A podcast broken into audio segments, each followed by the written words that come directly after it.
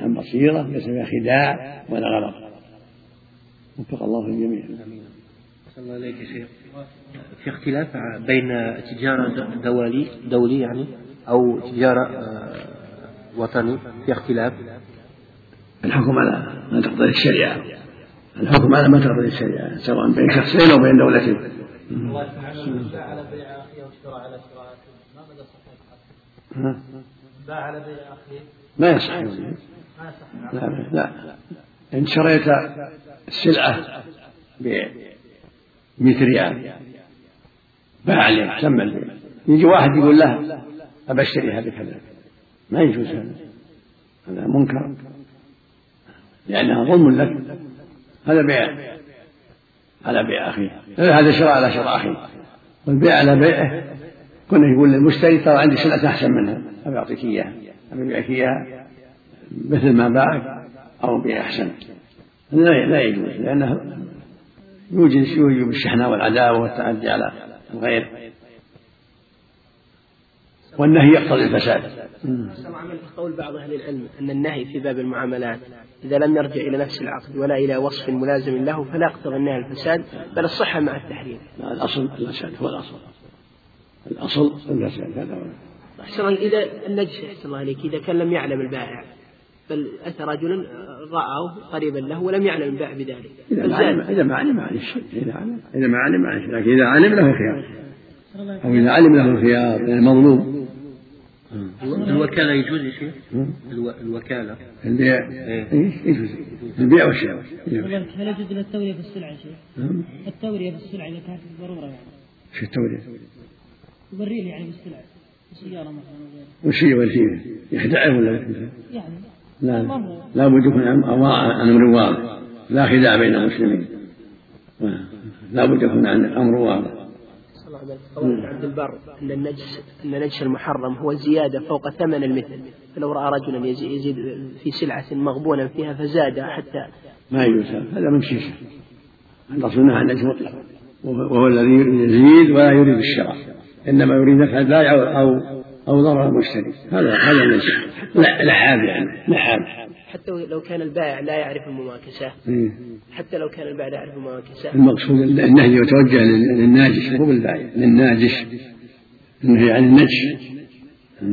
شيخ بالنسبة مثلا شخص تاجر محل لمدة سنة بعد مضي ست شهور يدفع الباقي من النصف الأول يعني يدفع النصف الأول عند بداية في العقد. بعد مضي ست شهور يعني وجد نفسه ما يستطيع أن يستمر في هذا المحل. فأحسن الله إليكم لو لغى العقد ما دام تم العقد ما يمكن الغاء يجر على غيره. ما تم العقد إلا إذا قال هذا الشيء إذا قالها البائع أو المؤجر المؤجر مثلا رفض. لا يتم العقد لابد يتم العقد إيه. هذه ضرر أحسن الله إليكم. ولو على ذلك أحسن عليك. من قال له يستأجر أحسن الله أهل البادية الذين إلا إذا سمح وقاله لا الله خير مثل البيع الإجارة بيع. لو لو شريت السلعة ب 100 ريال ثم هونت لك بعد التفرق. طاع. إذا استأجرت ب 100 ريال ثم تفرقت قلت والله أنا ما بنبغي إلا إذا كان مثله يغبن ما يحسن البيع والشراء ومغبون لا ترجع المحكمة. لو مثلا يعطيه مبلغ معين. إذا اصطلحوا لا إذا اصطلح حق بينهم لا يأخذ عنهم. إذا اصطلحوا لا بأس.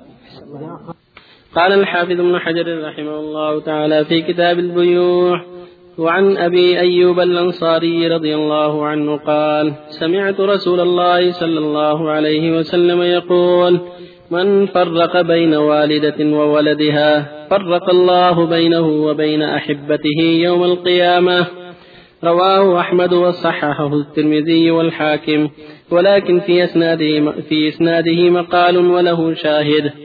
وعن علي بن أبي طالب رضي الله عنه قال أمرني رسول الله صلى الله عليه وسلم أن أبي غلامين أخوين فبعتهما ففرقت بينهما فذكرت ذلك للنبي صلى الله عليه وسلم فقال أدركهما؟ فارتجعهما ولا تبعهما إلا جميعا. رواه أحمد ورجاله ثقات. وقد صححه ابن خزيمة وابن الجارود وابن حبان والحاكم والطبراني وابن القطان. وعن أنس بن مالك رضي الله عنه قال غلا السعر في المدينة على عهد رسول الله صلى الله عليه وسلم. فقال الناس يا رسول الله غلا السعر. فسعر لنا. فقال رسول الله صلى الله عليه وسلم إن الله هو المسعر القابض الباسط الرازق وإني لأرجو أن ألقى الله تعالى وليس أحد منكم يطلبني بمظلمة في دم ولا مال. رواه الخمسة إلا النسائي وصححه ابن حبان. وعن معمر بن عبد الله رضي الله عنه عن, عن رسول الله صلى الله عليه وسلم قال لا يحتكر إلا خاطئ. رواه مسلم. وعن أبي هريرة رضي الله عنه عن النبي صلى الله عليه وسلم قال لا تصروا الإبل والغنم. فمن ابتاعها بعد فهو بخير النظرين. بعد أن يحلبها إن شاء أمسكها وإن شاء ردها وصاع من تمر متفق عليه. ولمسلم فهو بالخيار ثلاثة أيام. وفي رواية له علقها البخاري ورد معها صاع من طعام لا سمراء. قال البخاري والتمر أكثر.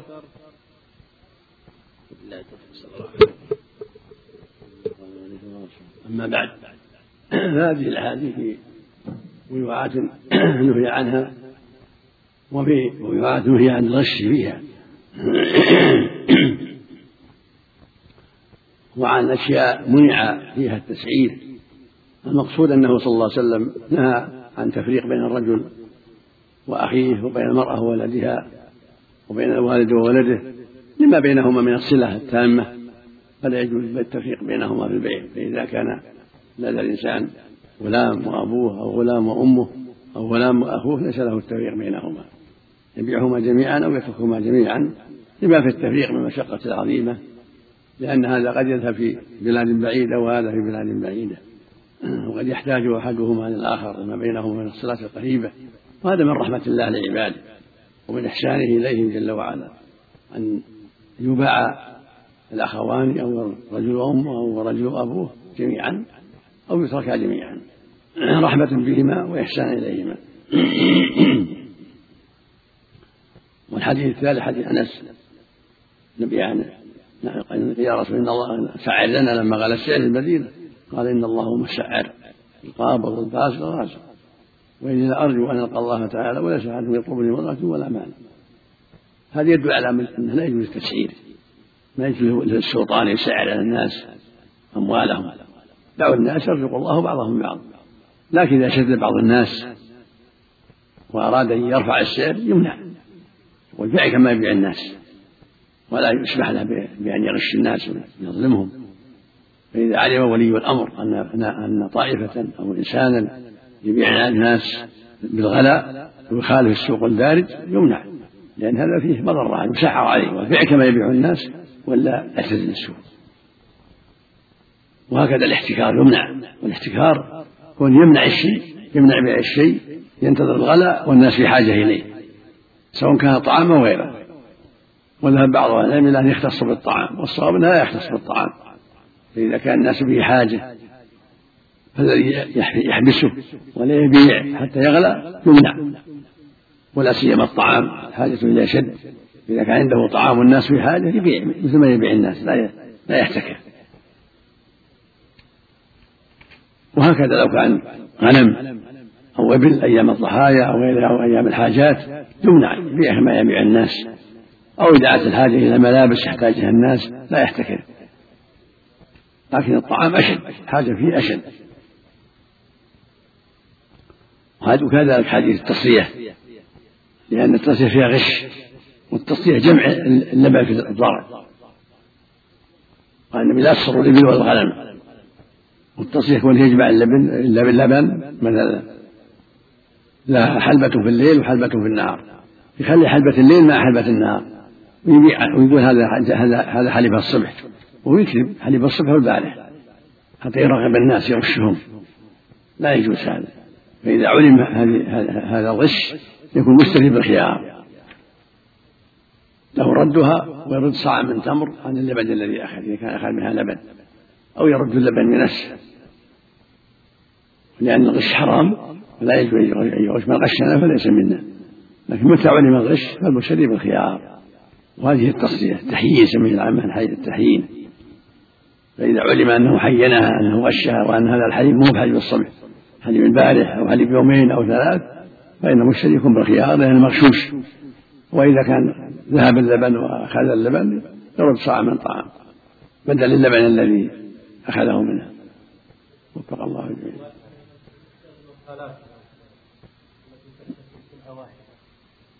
نعم الوكالات التي تحتفل سلعة واحدة إيش معنى كلام؟ إيش؟ هل يكون من كتاب واحد؟ وش هو؟ كتاب سلعة واحدة يعني, يعني وكيل. ما يبيع إلا واحد شخص واحد بس. مثل السكر مثلا. لا أحسن الله هذه بعض الشركات أحسن الله عملك تكون لها ماركة تأخذ حسب الدولة. هذا إذا كان من يعني الدولة لئلا يتلاعبوا تسمح لشخص أو شركة تورد هذا الشيء مع لأنه لو سمحت الآخرين أفسد أفسد عليه وضيع عليهم عمله. هذا يحتاج جهاد جهاد جهاد الدولة واجتهادها ونظرها لمصلحة المسلمين. كونها تعطي هذا فسح ولا تعطي الآخر. هذا له مبرراته إذا رأى الدولة أن هذا أصلح هذا يفسح له يورد غنم هذا يفسح له يورد بقر هذا يفسح له يورد ملابس كذا كذا حتى لا يتضاربوا وحتى لا يضر بعضهم بعضا. بالنسبة لبعض التجار مثلا بالنسبة لبعض التجار مثلا يشتري كمية كبيرة ثم يخزنها في المخازن ثم بعد فترة يخرجها. إذا كان ما في ضرر ما في شك. إذا كان ما في ما في زحمة ولا احتياط ولا ضرر الخير واجب ما يضر. لا في ضرر صلى عليك من قبل هذا ينظر من هذا ينظر من جهة الدولة. تنظر الدولة بوسط العلماء أو وسط خبرة فإذا كان احتقاره يضر الناس منع. وإن كان ما يضر الناس فلا يمنع. السلام الله إليك. البيعان البيعان إذا تفارقا هل هما آه، بالخيار بعدما إذا علم بأنه فيها غبن إذا تورق لزم البيع إلا أن يكون أحدهما مغبونا وهو مثل جغبا له الخيار. المغبون. مثل ما في الحاج لا خلافه إذا كان إنسان مغبون مثل ما يفهم السلع وغبنه إنسان يخير. عند ولي الأمر. يعني المحكمة يعني. أقول يا شيخ في السلع مثلا ما تسوى إلا إلا ريالين ها؟ في السلعة مثلا ما تسوى إلا 5 ريال في السوق. ثم أجيب لنا شركة تبيعها مثلا ب 2000 ريال زي مثلا BMW وكذا هل هذا يجوز؟ إيش؟ إذا شركات مثلا BMW مثلا قطع حديد يمكن ما تسوى إلا 5 ريال 5 ريال ثم يعني ما أجيب إلا واحد في السوق يبيعها ب 20000 ريال مثلا لأنه ما في ما في الدولة لها لها قطع هل هذا يجوز؟ هذا ينظر بجهة الدولة تنظر الإصلاح للمسلمين. الله يا شيخ. توريد توريد هذه الأشياء. لمزيد الشيخ نعم. حديث النهي عن الاحتكار وحديث النهي عن الاحتكار إذا كان يضر الناس هذا المقصود ولا الناس يبيعون كيف يشاء. دعوا الناس يرزق الله بعضهم من بعض. ما أحد من أحد. لك تبيع في الطعام والآخر يبيع في الطعام والآخر يبيع في الثياب والآخر يبيع في الحمير والآخر يبيع في البقر. دعوا الناس يرزق الله من بعض. إذا كان ما في مضرة على الناس. أما إذا كان الإنسان يحتكر شيء يضر الناس. لقول النبي لا ضرر ولا ضرار. يمنع. ولا إذا ضيق على الناس يكون مشقة على الناس. تفسد الأمور. الله إن الله هو المساعر عفى الله هذا معناه. يعني ليسعر الناس. وليسعر لهم يجعل بحكمته ويجعل أرزاقهم تسير وبيعهم يسير بما شاء لهم سبحانه وتعالى. وإذا تعرضهم ولاة الأمور فسدت الأمور. فسدت الأسواق. وانضروا الناس؟ هذا من باب إذا تركوا مشت الأمور. في مكة في مكة في أيام الحج أو أيام رمضان يعني أيام ازدحام يعني. التاكسي هناك يرتفعون الأسعار يا شيخ. هذا شيء له أسباب أو له أسباب. قلة التكاسل وكثرة الناس. هذا ما يحتاج احتكار هذا ما ما, ما في حيلة. في في في بعض الأحاديث فيها طعام احسن الناس طعام 40 يوما ضربه الله في الفاقة في بعضها سندها بعض المقال. لكن حديث معمر أصحها. لا يحتاج إلا خاطر. لكن هذا الشيخ من ريالين؟ هذا أصحها. من, من ريالين يطلعون إلى 20 ريال يا شيخ. إذا دعت الحاجة إلى هذا ما في ما هو بعد احتكار هذا من كثرة الناس الزحمة. مقصود كذلك إذا كان الناس عندهم طعام كلهم يبيعون لكن قل الطعام في أيدي الناس وقليل. ما في ما في أيدي الناس هذه بأمر الله جل وعلا. أنا إن الله مساعد كلها أسماء من أسماء الله. نعم من أسماء الله. هذه الساحر والقابض والباسط. كلها من أسماء الله. نعم. القابض والباسط اسمان مجتمعان مزدوجان. السلع الضرورية. والسلع الثانوية. إذا كان إذا كان الاحتكار يضر الناس يرى ولي الأمر.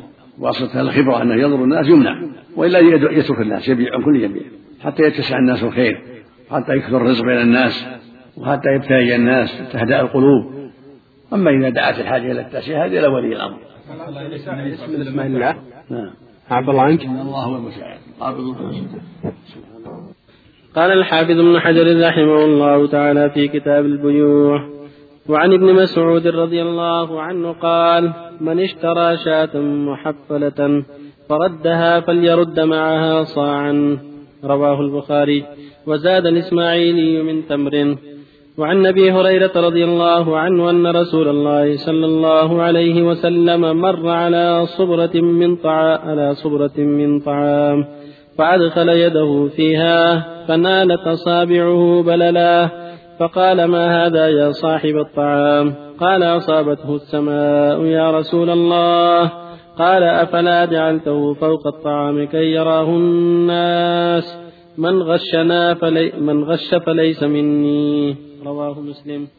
وعن عبد الله بن بريدة عن أبيه قال قال رسول الله صلى الله عليه وسلم من حبس العنب أيام القطاف حتى يبيعه ممن يتخذه خمرا فقد تحقم النار على بصيرة. رواه الطب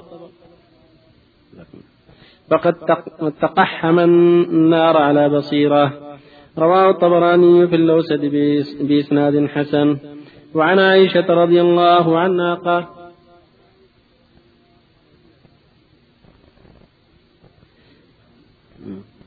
وعن عائشة رضي الله عنها قالت قال رسول الله صلى الله عليه وسلم الخراج بالضمان. رواه الخمسة وضعفه البخاري وضعفه البخاري وأبو داود وصححه الترمذي وابن خزيمة وابن الجارود وابن الحباء وابن حبان والحاكم وابن القطان. صلى الله وسلم على رسول الله وعلى آله وأصحابه. أما بعد هذه الأحاديث في أحكام تتعلق بالبيع والشراء والغش والتدليس. الحديث الأول يدل على أن الشاة المحفلة والبقرة المحفلة والناقة المحفلة كما تقدم يعتبر صاحبها غاشا. فإذا اطلع المشتري على الغش فإنه يردها. وصاعا من تمر كما تقدم. والمحفلة هي المحينة مصراه التي يجمع فيها لبن ما قبل الوجبة الأخيرة. فإذا باعها نهارا أبقى فيها وجبة الصبح ووجبة البارحة أو أكثر حتى يظن المشتري هذا لبنها اليوم. وهذا غش فلصاحبها الخيار إذا أراد. إذا علم فله خيار. إن شاء قبلها وإن شاء ردها وصاع من تمر عن الحليب الذي أخذه منها. سواء بإقرار صاحبها أو بمعرفة الواقع. إنها إذا كانت محينة عرف الواقع. فإنها في اليوم الثاني ما يكون فيها اللبن اللي رآه فيها. تبين. تقدم حديث في ذلك. والحديث الثاني كذلك فيه تحريم الغش. وهو النبي صلى الله عليه وسلم مر على صورة من طعام فأدخل يده فيها فنالت أصابعه بللا. قال ما هذا يا صاحب الطعام؟ قال أصابته السماء المطر. أفلا جعلته قطعا كي يراه الناس من غش فليس مني. هذا يدل على أن صلى الله عليه وسلم رأى شيء يدل على الغش. ولهذا أدخل يده. وهذا يدل على نصحه صلى الله عليه وسلم وعنايته بأمر الأمة وأن قد يمر الأسواق قد يمر الأسواق للتفقد والتنبيه على الخطأ. وهذا يدل على أن ولاة الأمور يجب عليهم أن يحتاطوا المسلمين وأن يفعلوا ما يستطيعون من منع الغش والظلم ولو بأنفسهم. فإنهم مسؤولون فعليهم أن يفعلوا ما يستطيعون بأنفسهم أو بالواسطة التي يأمنونها ويطمئنون إليها حتى يمنع الظلم والغش. ومثل هذا الذي يأتي بالفواكه أو التمر في الأسطول في الأساطيل التي يكون التمر الطيب فوق والفاكهة السليمة فوق والردي يكون في الأسفل حتى لا يفضل له المشتري إلا إذا كبر في معونة. هذا أيضا من الغش. يجب أن يكون أسفله وأعلاه سواء وإذا كان الردي في أعلاه لا بأس يبين يحطه فوق ولا يبين. يقول ترى الحال فيها بعض الشيء. لابد تكب وتشوف الحقيقة. المقصود متى غش بجعل الردي هو الأسفل والطيب فوق ثم علمه المشتري له الخيار. الحديث الثالث من حبس العنب أيام القطاف من حبس العنب حتى يبيعه من الخمارين. هذا لا يجوز لأنه مساعد لهم على الظلم على العدوان. فالذي يبيعهم عنب حتى يتخذوا خمرا أو التمر أو العسل حتى يتخذوا خمرا وهو يعلم قد تقحم النار على بصيرة يعني قد أقدم على أسباب النار. والله يقول جل وعلا ولا تعاونوا على الإثم والعدوان فليس له أن يبيع على أصحاب الخمور أو غيره ممن يستعين بمبيعه على الظلم والشر. لأن ربنا يقول ولا تعاونوا على الإثم والعدوان. وقول صلى الله عليه وسلم كل مسلم على المسلم حرام دمه وماله وعرضه. ويقول صلى الله عليه وسلم لا تناجشوا ولا تباغضوا ولا تدابروا ولا بعض ولا بيع بعض وكونوا عباد الله إخوانا. المسلم أخو المسلم لا يظلمه ولا يخذله ولا يكذبه أيضا لا يغشه الرابع الأخير إيش؟ كذلك حديث عائشة خرج بالضمان معناه أن الغلة تكون للمالك الضامن. هذا الشيء تبع الضامن لما فيه الغلة. والخراج هو الدخل والثمرة. فالمبيع إذا كان على ضمان زيد دخله له خراجه له. على من له الضمان فإذا اشترى سلعة اشترى نخلا ثم أثمر اشترى قبل أن يثمر ثم أثمر وهو المشتري ثمره قبل أن يلقح أو اشترى شاة أو بقرة ثم ضربها الفحل وحملت حملها للمشتري لأنه ضامنها. أو ما أشبه ذلك بأن اشترى أرضا وتم البيع فيها ثم نزل المطر وأنبتت فالنبات فيها للمشتري لأنها صارت تبعه من ضمانه.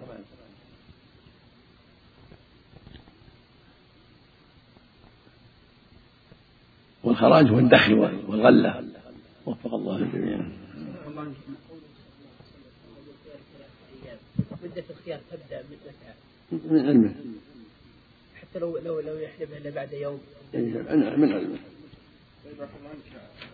الشاة هذه المصرفة لماذا ما يقول ما ينطبق عليها حديث الخراج بالضمان؟ لماذا يرجى معها صاع من تمر؟ لأنها دخلت. في اللبن الجديد ما ما ما يضمن لا تبع المالك. لكن هذا الصاع اللي دخلت اللبن يخاف من البايع جاءت به. لأنه من ملك البايع سابقا أما اللبن الجديد اللي في ثلاثة أيام أو بعدها هذا للمشتري لأنها من ضمانه. نعم. من حبس العنب. بعض أهل العلم يأخذ منها لا يجوز لليهودي ولا النصراني في بيت في في, في الأرض الذي يسكنون فيها يكون ذمي لا يجوز له شرب الخمر بناء على هذا الحديث. لا ما لا تعلق. يقر على دينهم. لكن لا يجاهرهم يعني أقرهم النبي على دينهم وأعظم من هذا كفر لكن ليس له الجهر بدينهم.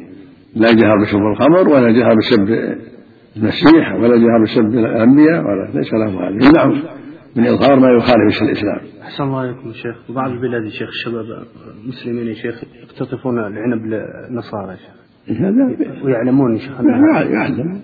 ما منكر. يعني لهم على المعصية الله. إليك. اليهود والنصارى هل لهم إظهار الكنائس في بلاد المسلمين؟ لا يمنعون إلا إذا فتحت على كنائس باقى ما هو مني عليها.